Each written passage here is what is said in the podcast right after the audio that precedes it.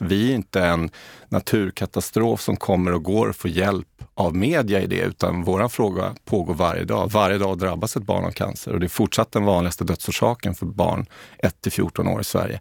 Vi måste påminna om det hela tiden. Eh, och det gör vi genom marknadskommunikation och eh, det vi åstadkommer såklart också.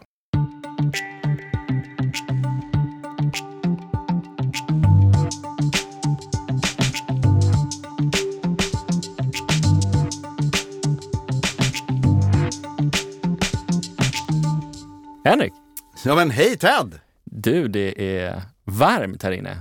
Ja, in i bänken så var sommaren har slagit till. Ja, precis innan midsommar så bara bum, bum, bum, bum slog det till. Hade du en bra midsommar? Jajamän, med den värmen och tillgången till bad så är jag väldigt nöjd med midsommar. Alltså var inte din midsommar väldigt kändisbestänkt? Ja, men visst har man eh, hoppat små grodorna med Erik Niva. Oj, Stort. verkligen. Hade han Tottenham-tröjan på sig? Han eh, aldrig riktigt se det, men det kändes inte som att han var särskilt midsommar... Eh, ja, utsmyckad. Det var inte... Det, Det var inte folkdräkt. Det var inte folkdräkt. Eh, För du var i Dalarna. Ja, det var jag. Eh, själv var jag i Skåne. Eh, närmare bestämt i Ängelholm. Och för att binda ihop det här med dagens avsnitt så kan jag väl eh, säga att jag firade midsommar med en av eh, konsulterna till eh, Barncancerfonden. Mm. Mm. Och de har vi haft här förr.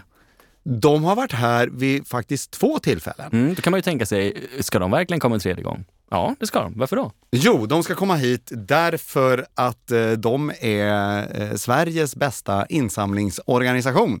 De fick priset för eh, årets organisation Ja. eh, på eh, insamlingsforum tidigare i vår. Och vi har ju som en liten tradition att eh, just bjuda hit vinnarna för att eh, höra vad, vad det är som har gjort att eh, just de vann och vilka hemligheter de kan dela med sig i podden. Så jag ser fram emot den här podden. Ja, men det är en fin tradition. Och eh, äras, de, de som äras bör. Och den här gången så är det Barncancerfonden som ska äras och de äras eh, för, eh, med, med motiveringen som lyder enligt följande. Med ett rekord på över en halv miljard kronor i insamlade medel för forskning och stöd till drabbade barn och familjer under 2021 har Barncancerfondens ambition att kombinera uppdraget som en professionell forskningsfinansiär med visionen om en inkluderande folkrörelse i kampen mot barncancer ger gett resultat. Det är världens längsta mening det där. Men nu kommer nästa mening. Som vinnare i årets insamlare organisation för andra gången på sex år visar Barncancerfonden att kontinuerlig utveckling och fokus på samhällsrelevans kan ge effekt i större intäkter, ökad kännedom och bredare engagemang. Stort grattis! Barncancerfonden! Ja, då släpper vi väl in dagens gäst. Det gör vi. Välkommen! Michel Brygevich. Stort välkommen till Insamlingspodden. Stort tack! Eh, vi har ju en eh, vana och en eh, tradition att intervjua de bästa i branschen och eh, när man får priset Årets insamlare organisation, då är man bäst i branschen. Ja, det är väl så. Det, det känns ju väldigt fint att höra dig säga det och det var så vi kände också den kvällen vi fick ta, ta emot priset. Det var en väldigt härlig upplevelse måste jag säga. Det var ett fint kvitto på, på det arbete vi har lyckats med. Ja men det var roligt. Det, det, Ted och jag har ju varit med några år där och eh, det är inte många som har firat så hårt som ni gjorde. Det var kul att se. Ja, men det var verkligen eh, rätt i tid på något sätt. Dels för att vi själva kände att vi hade gjort ett fantastiskt år. Det var ju ett rekordår för oss. Vi har ju aldrig nått över en halv miljard tidigare. Men också det faktum att vi precis hade kommit ut ur pandemin, suttit i isolation i två år och ses liksom i ett större sammanhang. Så det var många saker som föll på plats den kvällen, vilket var härligt att få utlopp för. Och ni var många på plats också. Ja. Det kryllade på scenen. Där. Ja, men jag tänkte, vi är nominerade, vi har chans att vinna. Det är klart vi ska vara där. Sluta upp mangrant om det går. Och det, vi var många. Det var, det var riktigt härligt. Och det var fint också utifrån att det var Torbjörn Larsson, då, vår generalsekreterare som, som numera eh, har gått i pension, var ju med och fick det som liksom, eh, någon form av avskedspresent. Så det, var, det var vackert på många sätt. Roligt. Mm. Fint. Vi återkommer till det där, men eh, för oss är du en eh, ganska ny bekantskap. Eh, du är, du är väldigt lång Mm. Eh, och det sa du, det förföljer dig. Samt att du har ett svårt efternamn eh, och ni är bara tio i världen. Eh, men eh, hur hamnade du i den här branschen som vi väljer att kalla det? Ja, det, um, jag kommer ju från näringslivet då och um, någonstans så, ja, jag har varit i olika roller där. Jag började i uh, musikindustrin utifrån mitt eget intresse av musik. Jag älskar musik i alla dess former men är väl uh, helt talanglös när det kommer till att sjunga och spela. Men jag förstår vad som är bra. Så jag gjorde väl karriär först inom musikindustrin utifrån min egen passion och intresse för det. Men sen så kom ju Napster och fildelning och eh, jag var med om CD-skivans uppgång och fall kan man säga. Ehm, Upplevelse bara det? Ja, faktiskt. Det var en spännande tid. Vi eh, arbetade för ett företag som exporterade det svenska musikundret till Japan på den tiden. Alltså Cardigans, Meja, Pandora, alla de här i slutet på 90-talet.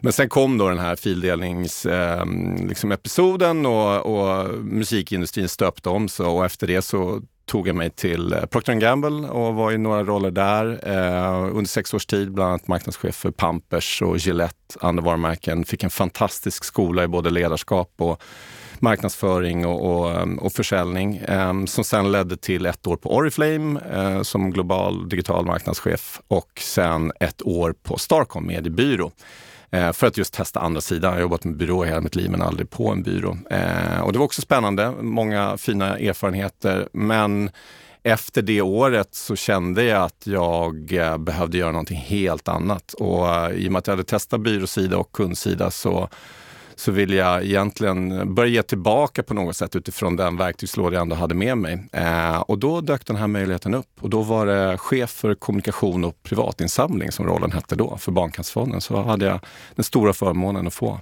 den, eh, det jobbet.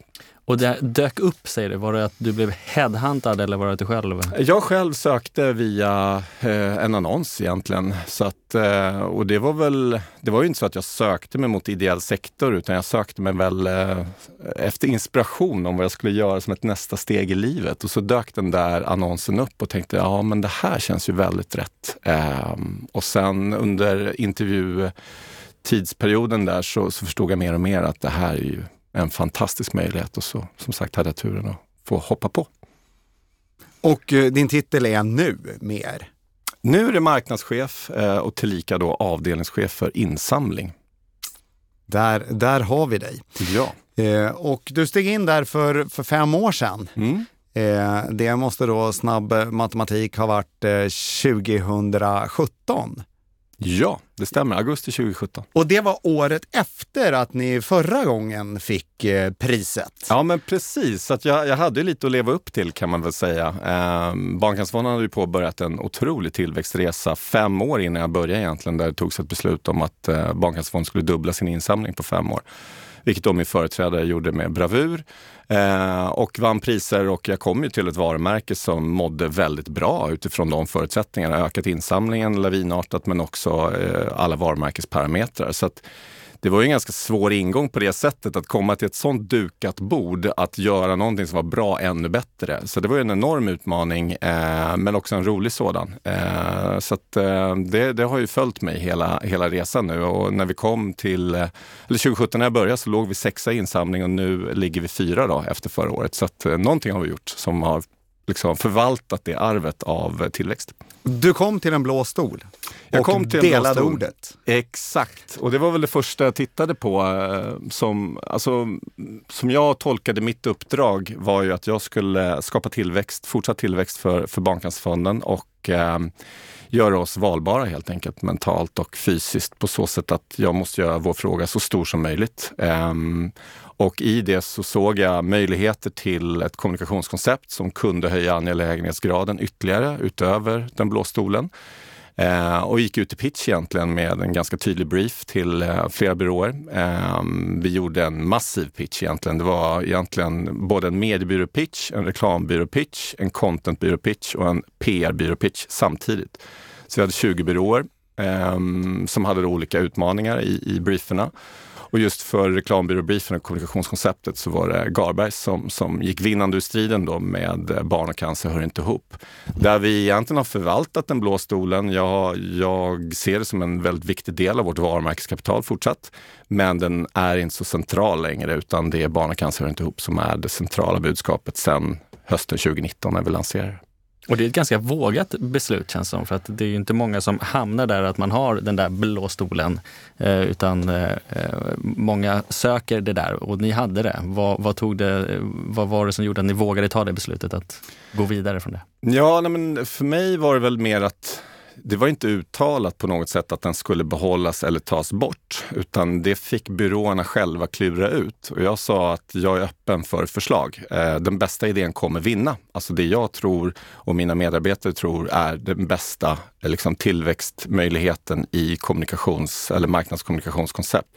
Ehm, så att alla tog sig an det där på olika sätt, men det landade i att stolen fanns kvar men inte var central och det känns väldigt naturligt. Nu är den än mindre eh, liksom vid sidan av. Eh, den är knappt med överhuvudtaget längre, men finns kvar i vår eh, varumärkesmanual över att har vi till exempel en intervjusituation med ett barn, då säkerställer vi att är det en stol barnet sitter på så är den blå. Men den tar inte en central plats i kommunikationen som sådan. Eh, jag läste i inledningen att eh, ni fick det här för det långsiktiga arbetet. Att ni har kunnat eh, antagligen gå från den blå stolen, jag vet inte hur juryn tänkte där, eh, in i det här och eh, sen så mot en framtid. Mm. Hur skulle du beskriva ert långsiktiga arbete som, som fanns med i eh, eh, motiveringen till priset? Ja, men, eh, utifrån att vi lanserade 2019 så var ju tanken då, grundläggande tanken var att höja angelägenhetsgraden och egentligen stänga gapet mellan faktisk gåva och givarvilja. För det är så att tittar man på alla varumärkesparametrar så har vi det starkaste varumärket inom ideell sektor. Vi har den högsta givarviljan, vi har den högsta preferensen. Men vi låg bara, trots det, sexa insamling. Så det fanns ett gap att stänga där. Och det var det som var egentligen syftet med hela pitchen, att hitta ett kommunikationskoncept som kan hjälpa oss att stänga det gapet. Så där börjar det långsiktiga tänket. Parallellt med det, utöver då den ska vi kalla den för korta då, marknadskommunikationen som är konverterande, så tittar vi också nu på en mer långsiktig kommunikation där vi ska stänga ett annat gap, vilket är då gapet mellan varumärkesidentitet och varumärkesimage. Alltså hur vi vill uppfattas och hur vi uppfattas. Vi har en väldigt bra uppfattning om varumärket idag. Det är ju som nämnt det starkaste i, i alla varumärkesparametrar, eller de flesta i varje fall. Eh, men vi kan bli ännu tydligare i vad vi gör. Vi är väldigt förknippade som en forskningsorganisation, vilket vi är. Det är en av eh, ändamålen, eller ett av ändamålen. Eh, men vi gör så mycket annat, så vi måste bredda frågan eh, om vad vi gör och eh, vad vi åstadkommer i kampen mot barncancer på, på ett tydligare sätt. Så den resan har vi precis påbörjat och det blir ju som en andra del av det första marknadskommunikativa som vi har etablerat med Barncancer runt ihop, där vi har då stängt gapet en aning. Vi har ju gått från sjätte till fjärde plats. Men nu behöver vi lägga den mer långsiktiga eh, kommunikationen som, som ska gå parallellt med det för att bygga eh, varumärkesimage enligt den identitet vi vill ha. Har det här påverkat eh, arbetet på kontoret och eh, massan människor som finns i det mm. på ett avsevärt sätt? Eller? Det har det. Under, under pandemin nu så har vi gjort ett grundläggande arbete med ett idéprogram eh, som vi kallar för Livsviktigt, som då sammanfattar egentligen vad vi står för. Eh, de sju olika föreningarna, för vi är ju sju föreningar. Riksförbundet som jag arbetar för och sen så har vi sex lokala föreningar. Så att vi har ett eh, gemensamt manifest kan man säga, vad det är vi eh, är till för och eh, vad vi ska åstadkomma. Som sen har då resulterat i ett reviderat uppdrag, ett moderniserat uppdrag där vi tar ansvar för hela barncancerfrågan. Inte bara inom citationstecken överlevnad utan också livskvalitet. Vad är livet efter att ha blivit botad då eller ha en femårig överlevnad av barncancer? Ehm, och sen har vi då också en ny vision där vi säger att alla som drabbas av barncancer ska leva inte bara överleva. Så vi har ju höjt frågan och breddat frågan och eh, det har um, satt sina spår i organisationen utifrån att vi gjorde en omorganisation 2020 som ska möta det här nya, mer uh, breda anslaget till barncancer. Uh, och, uh, och, och, det levs ut genom det här manifestet då, som är livsviktigt. Eh, och nu gör vi också ett eh, värderingsarbete i organisationen för att möta det. Så det är Barncancerfonden 2.0 i någon mening, eh, skulle jag vilja säga, som kommer kommuniceras än tydligare från och med i höst. För vi fyller nämligen 40 år i år och då kommer vi börja kommunicera den här, jag vill inte säga förflyttningen, för det handlar inte om det. Vi har alltid jobbat för alla aspekter av barncancer, men förtydligandet då, att vi gör det i och med att vi är så tätt förknippade med forskning. Och den här omorganiseringen som du var inne på, vad, vad innebar den för insamlingsdelen av organisationen? Vi slog egentligen ihop två insamlingsavdelningar. Ehm, tidigare så när jag klev in i, i rollen som eh, chef för kommunikation och privatinsamling, då var det precis det. Vi hade all kommunikation, eller nästan all kommunikation och privatinsamling och sen fanns det en företagsinsamlingsdel. Eh, det vi har gjort nu det är att vi har slagit ihop privatinsamling, företagsinsamling och marknadskommunikation i en. Och sen har vi en kommunikationsenhet som en del av en annan avdelning som heter verksamhet som jobbar då med våra ändamål som kommer sköta ändamålskommunikationen. Eh, så så det är väl den stora skillnaden. Vi har centraliserat all insamlingsverksamhet till en avdelning och den består av egentligen fem eh, enheter. Den ena är en inhouse eh, och varumärkesenhet som jobbar då med produktion av våra kreativa uttag tillsammans med Garbergs. Eh, sen har vi eh, filantropi och stora donationer som jobbar med Eh, just det de heter, alltså det mer öronmärkta insamlingsarbetet där vi eh, säkerställer stora projekt eller så kallade moonshot initiatives där vi försöker få filantroper och stiftelser att investera i en specifik eh, diagnos kan det vara, en specifik forskning eller vad vi nu vill åstadkomma. Sen har vi ett eh, ben som heter Kampanj och Event som aktiverar varumärket. Alltså det som kommer ut av Inhouse och varumärke och Garbergs. Det säkerställer dem att det aktiveras i rätt kanaler. Har kontakt med Karat, vår mediebyrå och eh, alla våra event. Eh, sen har vi ett renodlat säljben kan man säga. Det är företag Givaservice som har hand om företagsinsamlingen och eh, som är då vår motsvarighet till kundtjänst och insälj. Och sen slutligen ett eh, analysben som heter Analys affärsstöd som, som arbetar med eh, all form av insamlingsstatistik, eh, webbanalys, affärsutveckling och är ett stöd för hela avdelningen. Så det är en stor avdelning. Vi är 45 personer idag ehm, och ehm, det är en centralisering helt enkelt som, som omorganisationen var eh, var tänkt till att göra och åstadkomma. Att vara tydligare i vår organisationsbild och, och säkerställa att vi har tvärfunktionella team som kan jobba över avdelningsgränser men att det finns kompetens samlat under ett tak så att säga. I den här motiveringen från eh, Giva så, så nämner de både eh, intäkterna men också eh, ökad kännedom och bredare engagemang. Mm. Och du var inne på det med, med varumärket och bilden av er och så. Men hur, hur resonerar ni kring investeringar och, och vad, hur mycket lägger ni på liksom direkt konverterande gåvor och hur mycket handlar det om att bygga kännedom och engagemang? Mm. Och det, där det finns ju en så här, eh, vetenskaplig grund till hur man ska fördela en marknadsföringsbudget då, eh, enligt Bineo Fields där med, med 60-40. Och vi gör väl en inverterad version av det, så att vi lägger 60 på, på det taktiska eller försäljningsdrivande och, och 40 då på det varumärkesbyggande. För att vi har ju en sån fråga som är så emotionellt kopplad så att vi kan gå direkt mer på konvertering i en större utsträckning än vad man kanske kan som ett vanligt varumärke där man måste etablera en emotionell koppling. Vi har redan en emotionell koppling i det onaturliga att barncancer finns. Um, och i det så investerar vi i marknadskommunikation. Uh, vi har ju förra året så av all annonsering ni har sett i köpt media så var 60% gratis. Eh, så 40 procent av det som syntes har vi investerat i. Ehm, och det är viktigt för oss att, som jag sa tidigare, att göra vår fråga så stor som möjligt. Vi är inte en naturkatastrof som kommer och går och får hjälp av media i det, utan vår fråga pågår varje dag. Varje dag drabbas ett barn av cancer och det är fortsatt den vanligaste dödsorsaken för barn 1 till 14 år i Sverige. Vi måste påminna om det hela tiden. Ehm, och det gör vi genom marknadskommunikation och eh, det vi åstadkommer såklart också. Eller ett krig i Ukraina. Eller ett krig i Ukraina, precis. Hur har eh, våren gått? Den har varit eh, svag för vår del. Eh, mycket på grund av att eh, Ukraina då såklart trädde in, tyvärr. Eh, det är ju en fruktansvärd eh, situation. Eh, så vi har ju varit tysta under mars, april. Eh, och har precis börjat kommunicera igen i maj, men vi känner av att marknaden är mättad utifrån det enorma arbetet, eh, insamlingsarbetet som har gjorts då, till förmån för Ukraina i, i framförallt mars då, med Akelius och, och så. Men eh, vi hoppas väl på en eh, återhämtning under halvår två, men vi får väl se. Det blir ett svagare år i år, helt klart, av förklarliga skäl. Så att, eh, det är väl det vi, vi får luta oss mot, att vi förstår varför.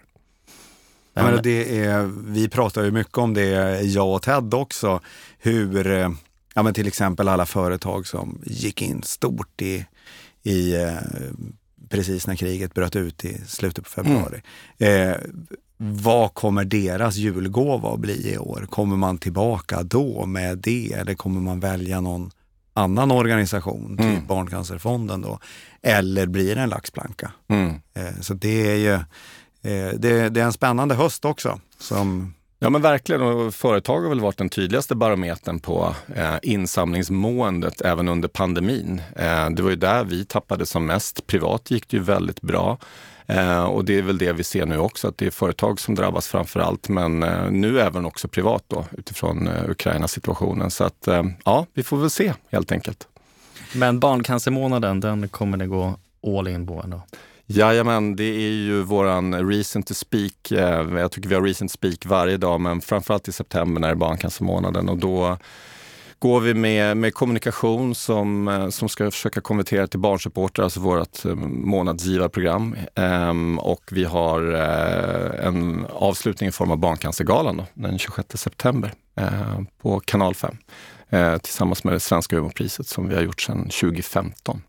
Så att eh, ja, barncancermånaden och jul är våra två viktigaste perioder under året insamlingsmässigt. Så att eh, där kommer vi satsa stort.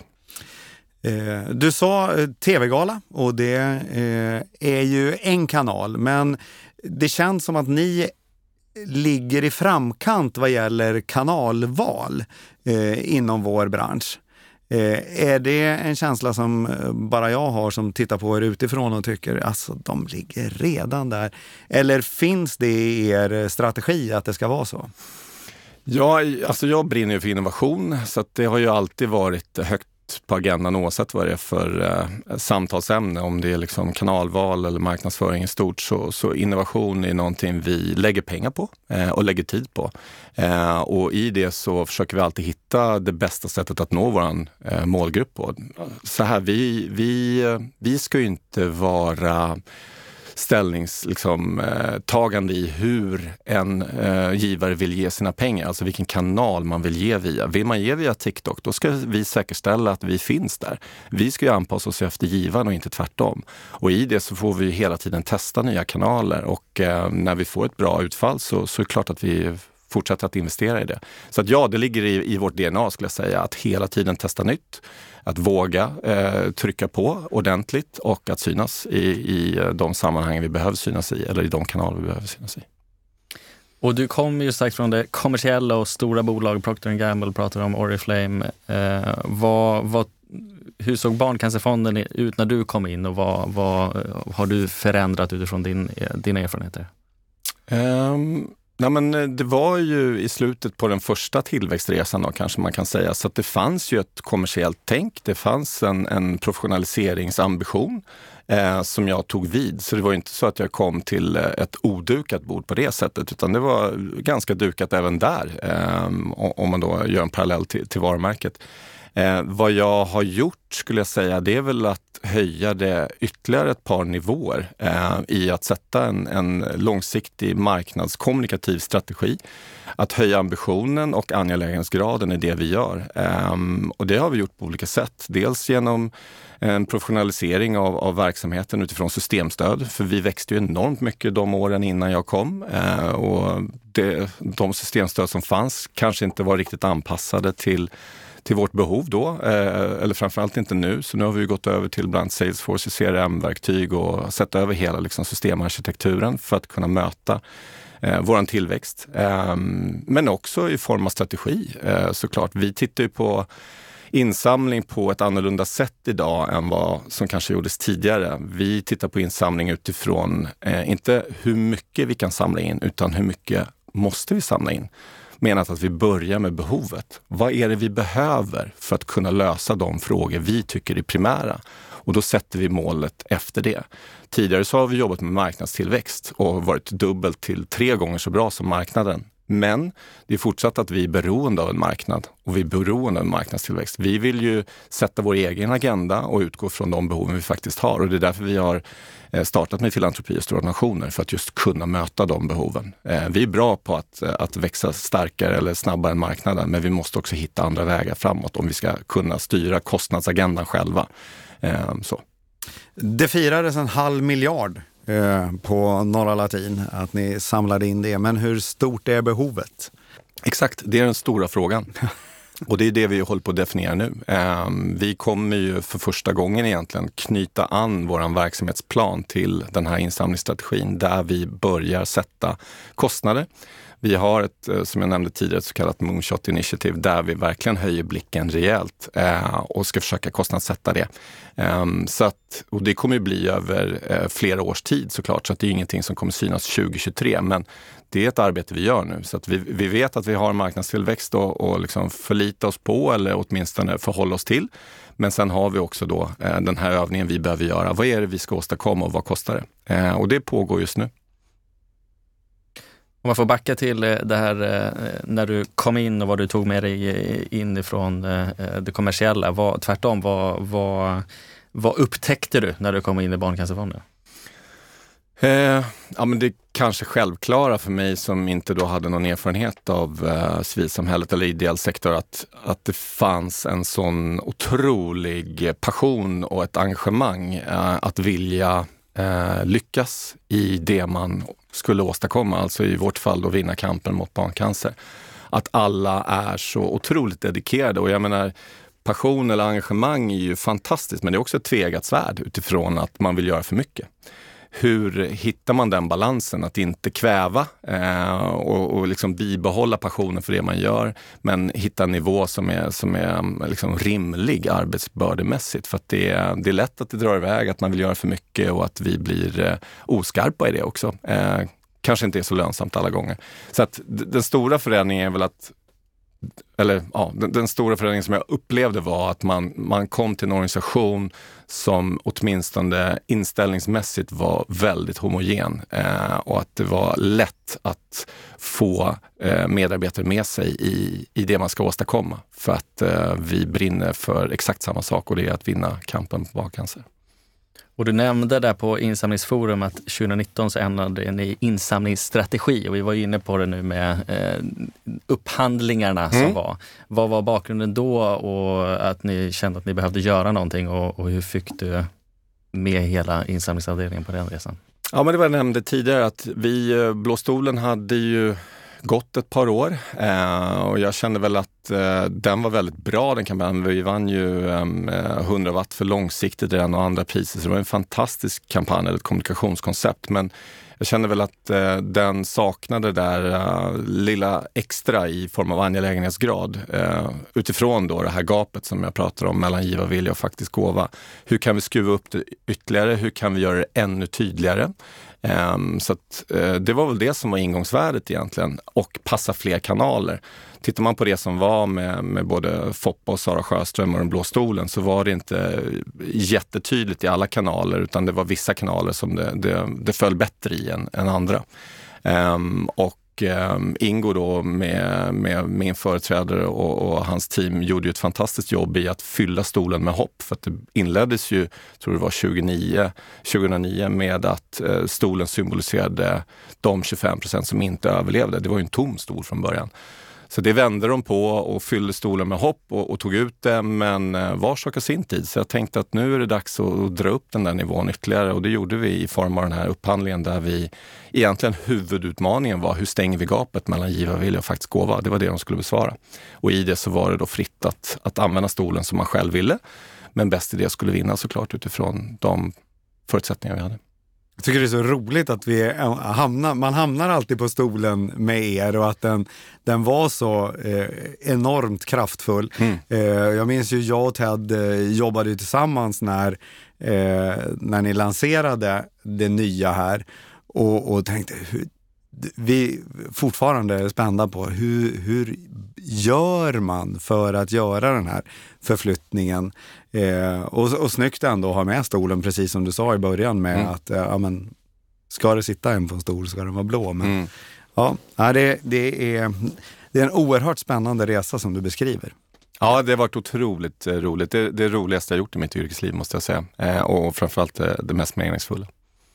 Eh, och nu har ni nya lokaler. Ja men exakt, vi flyttar in på Epicenter eh, som är då House of Innovation kallar de det. Eh, vilket är egentligen ett företagshotell om man ska vara krass. Men det, det är mycket mer... Men det är ett häftigt företagshotell. Ja, det är ett häftigt företagshotell.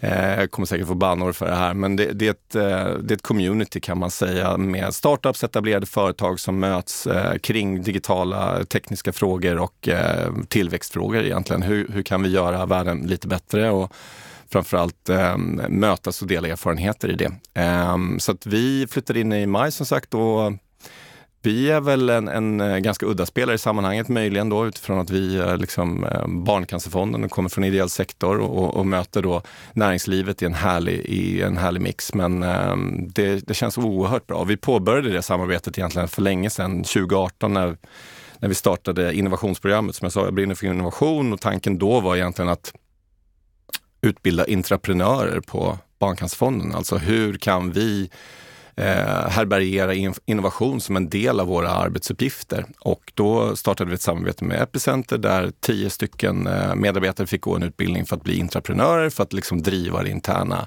innovationsarbetet. Och sen har vi haft ett samarbete och nu har det liksom på något sätt då, nu är cirkeln sluten när vi har flyttat in på riktigt. Eh, så nu, nu är vi tillsammans där. Så det, det känns jätteroligt och det är också ett signalvärde för vad vi är på väg i den nya Barncancerfonden, tänker jag. Eh, utifrån Barncancerfonden 2.0 och vad vi vill åstadkomma. Eh, så att det känns mycket bra. Och ny logga har ni också? Eller? Ny logotyp, eh, precis. Det var ju en del av det här arbetet med både manifestet, livsviktigt, eh, visionen, uppdraget att vi skulle se över vår grafiska profil Um, och då um, hade jag en, en, gammal undersökning som jag följde upp på där vi hade egentligen dissekerat um, Barncancerfonden, logotypen i dess olika beståndsdelar där det framgick väldigt tydligt att bilden, alltså barnet i, i dörröppningen eller med solen, är den mest otydliga komponenten och gör att vi sammanblandas med andra organisationer. Den i isolation och den har vi använt som pin och andra här, ikoner.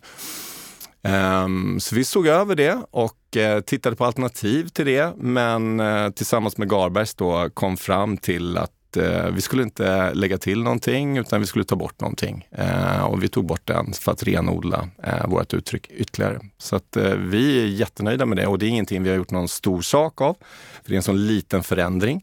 Eh, men den är stor för vår del, eh, tycker jag. Och eh, vi har ju sett över då den grafiska identiteten i form av färg och allt. Och det kommer synas mer under halvår två här. Så att vi har precis börjat rulla ut den. Så den syns i våran Eh, marknadsföring eh, och på hemsidan. Men den kommer drivas igenom i alla föreningar då, i och med att vi är sju stycken under året, eller till årsskiftet. Eh, Garbergs är inte med och sponsrar podden, men du är väldigt nöjd med ert samarbete med Garbergs. Ja, alltså så här, Garbergs är fantastiska, det måste jag säga. Jag rekommenderar dem till vem som helst. Jag rekommenderar även Karat till vem som helst. Jag lyfter byråer Ja, men på, på riktigt. Jag tycker att det är viktigt att, att lyfta byråer som, som en samarbetspart. För att det är, i mitt fall så handlar det om en, en förlängning av din eh, egen avdelning. Så ja, men precis. Det var det jag tänkte fråga. Hur, hur nära jobbar ni med Garbergs? Väldigt nära. Eh, Vår inhouse-enhet jobbar mycket nära Garbergs. Eh, de är ju eh, en del av samma team så att säga. Eh, och jag är med där när det behövs strategiska beslut. Och så, ehm, så att vi, ehm, det är en affärspartner, en samarbetspartner, en del av familjen. Eh, och det är därför jag, jag nämner dem, för att eh, de har varit en otroligt viktig del i den framgången vi har haft med Barn och cancer ihop. Eh, samma sak med Karat när det kommer till eh, val av media och den här möjligheten vi har haft att kunna etablera samarbeten med mediepartners för att få så mycket gratisutrymme som vi faktiskt får. Så att eh, de ska nämnas. Mm. Och hur är gränsdragningen där mellan inhouse och, och externa byråer? Eh, men gränsdragningen är att eh, Garbergs gör de stora uttrycken, alltså tv-reklam eh, utomhus och eh, Inhouse tar det vidare genom eh, dels att eh, göra digitala annonser till eh, säljbrev till eh, olika paketeringar för företag som vi säljer in via innesälj.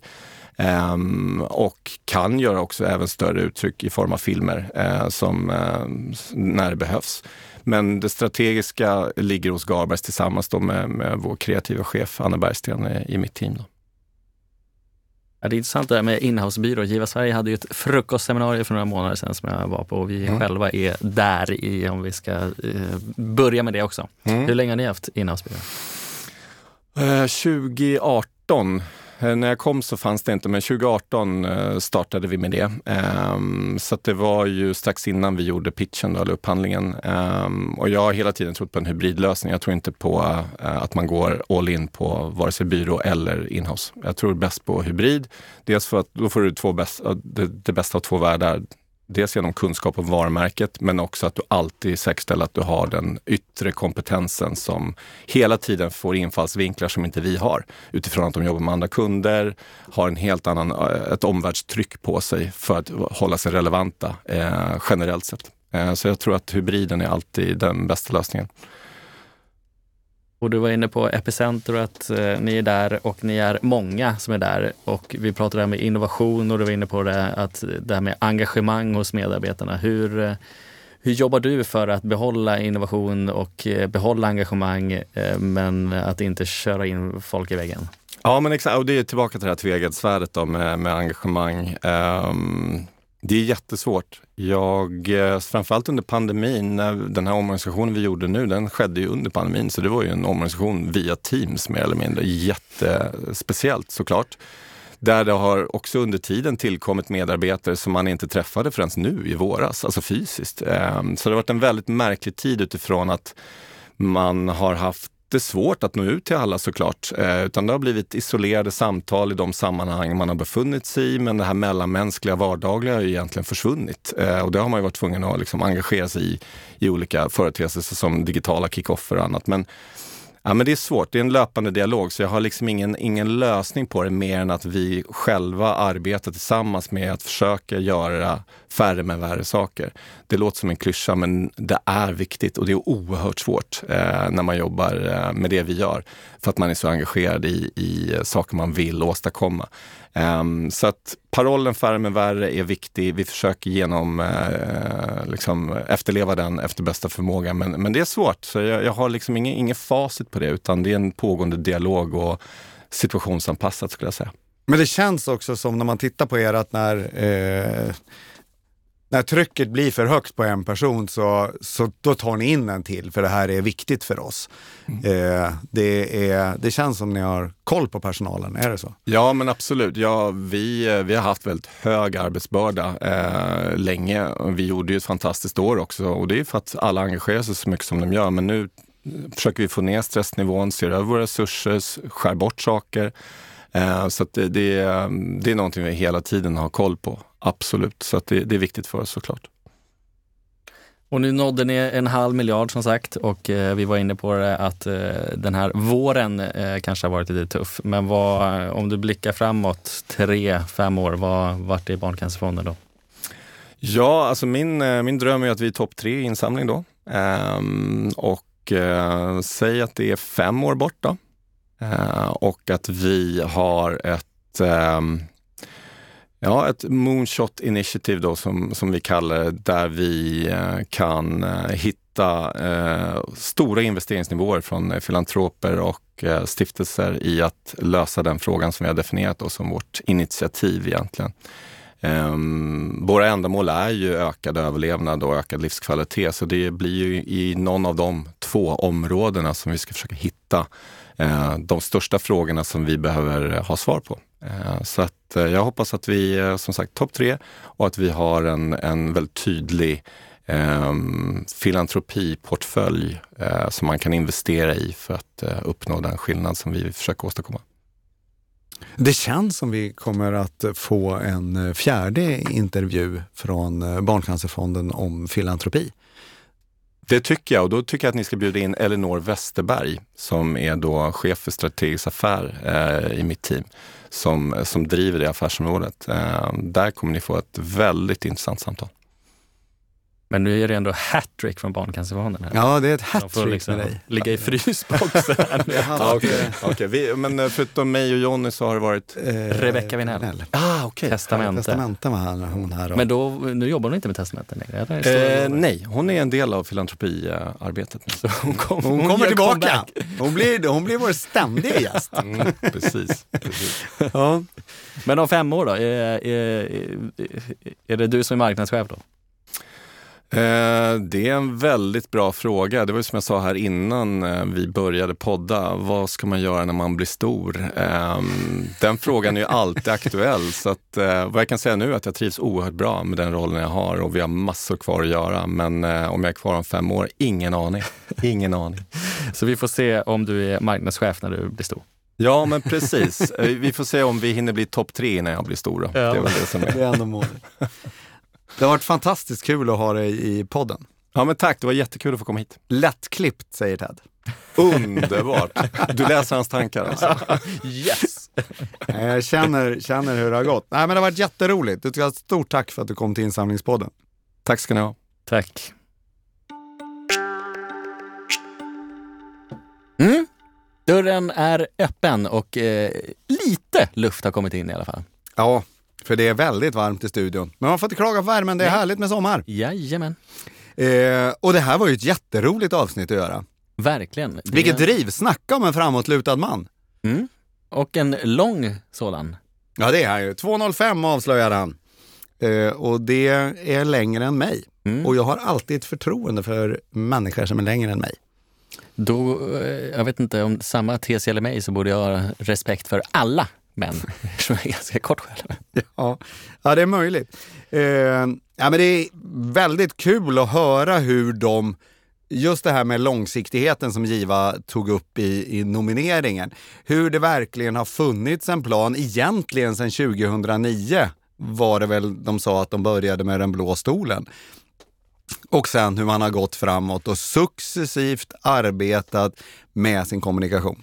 Ja men precis, och det är att gå tillbaka som du själv nämnde 2019 när vi såg lanseringen av den här kampanjen att eh, eh, ja, då, då var det lite så, oj hur, hur ska det här gå? Eh, men eh, de har ju jobbat ihärdigt med det och nu känns det ju lika naturligt som den blå stolen med dela ordet. Så att de har ju verkligen lyckats med det där och det gäller ju då att ha den här ihärdigheten att tro på det och tro på det hela vägen. Och där är det ju lätt med innovation och att man ska tänka nytt, att man hela tiden ska försöka hitta det här äh, nya. Äh, men att också våga stå kvar och, och hitta ett koncept som man tror på och dra det hela vägen. Det är då det lyckas fullt ut. Ja, så är det. Eh, jag, jag tycker det var väldigt spännande, dels när han pratade om det här gapet mellan varumärket och gåvor. Hur man vill jobba igen det.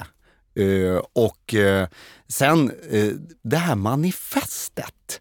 Eh, ångrar jag nu när eh, han har gått ut genom dörren att vi inte ställde mer frågor kring. Eh, för det känns som en, en lite ny take på det hela. Att man eh, jobbar med ett sånt vid sidan om varumärkesplattform och kommunikationsplattformen och alltihop. Nej men då gör vi ett manifest. Eh, Mm. Ja, men det är väl ett smart sätt att hålla ihop organisationer, för det är klart att det skiljer sig väldigt mycket att jobba med insamling eller att jobba med verksamheten. Så att hitta det här manifestet som kan hålla ihop allihopa eh, låter ju som ett smart sätt och det låter som att de har lyckats med det. För de är ju många också, eh, som vi var inne på när vi pratade. En sak som jag tänkte på vad gäller det här med att vara många. Mm. Eh, och eh, om vi backar tillbaka till när vi hade Malin Barne från Röda Korset här som, som pratade om hur man eh, bryter upp organisationen och jobbar agilt och det är snabbfotat och, och, och, och, och liksom smågrupper. Och här gör man en omorganisation som eh, är, är helt tvärtom slår ihop avdelningar, får stora, stora enheter med 45 personer i. Eh, men uppenbarligen framgångsrikt. En halv miljard kronor talar sitt tydliga språk. Verkligen. Och det handlar väl egentligen om att inte bygga de här äh, stora stuprören eh, och slänger man in alla i samma korg så eh, kanske man skapar det agila genom det. Kanske det gör. Vi sa ju att det är tredje gången de är här och fick en passning om en fjärde gång och eh, kanske ska prata organisation. Så blir det en femte gång. Ja. Vad vet jag? eh, vad jag däremot vet är att det är väldigt varmt nu eh, och att jag tror att vi eh, säger tack och hej. Och tar eh, semester på det här. Det är precis det vi gör. Och så vet ni att ni kan alltid lyssna på andra poddar från Insamlingspodden. Finns där poddar finns. Och så ser ni fram emot att komma tillbaka till höst när vi i vårt första avsnitt kommer att avslöja Swish-testet. Mm, det ser jag fram emot. Och lycka till med löpningen här i sommar. Tack! Jag ska gnugga på. Ja, det är bra. Mm. hörs. Hej! Hej! Fino!